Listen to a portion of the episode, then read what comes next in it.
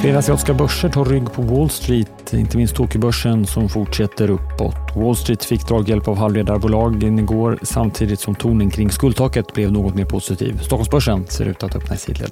Det är fredag den 26 maj. Du lyssnar på det i Morgonkoll och jag heter Alexander Klar. Ja, börsen i Tokyo är återigen uppåt och stiger drygt en halv procent. Bolag som Nintendo och Softbank lyfter båda över en procent. Statistik från landet visar att inflationen, endast då mätt kring huvudstaden Tokyo, backar nu i maj och faller till 3,2 procent ner från 3,5 senast. Börsen i Fastlandskina de backar försiktigt medan Hongkongbörsen håller helgstängt. På Wall Street lyfte börserna igår, inte minst tack vare rallyt vi såg i Nvidias aktie efter den starka rapporten. Nvidia är numera en stor del av index och rusade 25 procent. Nasdaq gick också betydligt bättre än S&P 500. Fortsatt så klämtar klockan för de amerikanska politikerna att komma överens kring att höja skuldtaket för staten.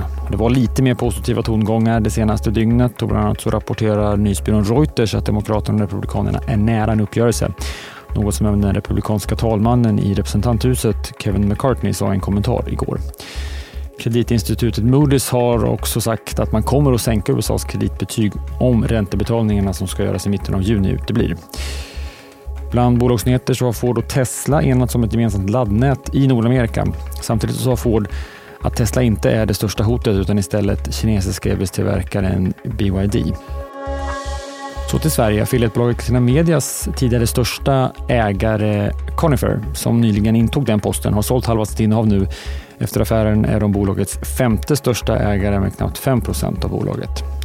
På tal om försäljningar så har svenska aktivistfonden Cevian sålt hela sitt innehav i brittiska försäkringsbolaget Aviva.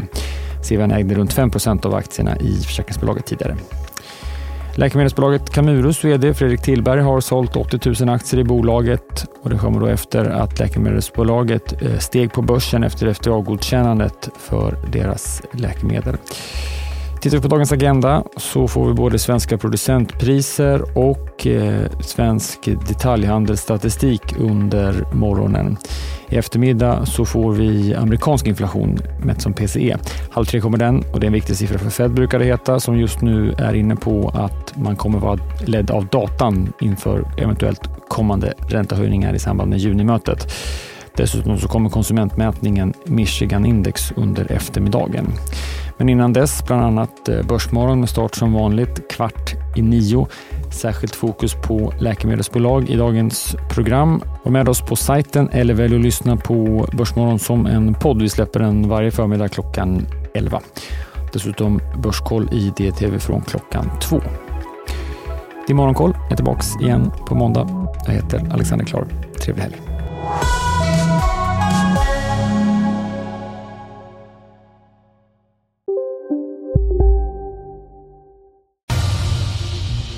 Expressen gör varje vecka podden Politikrummet där vi djupdyker i det senaste och viktigaste inom svensk politik. Med mig, Filippa Rogvall, som programledare tillsammans med mina vassa kollegor. Och det är ju ni som heter Thomas Nordenskjöld, Anette Holmqvist och Viktor Bartkron. Politikrummet kommer med ett nytt avsnitt varje tisdag. Vi hörs.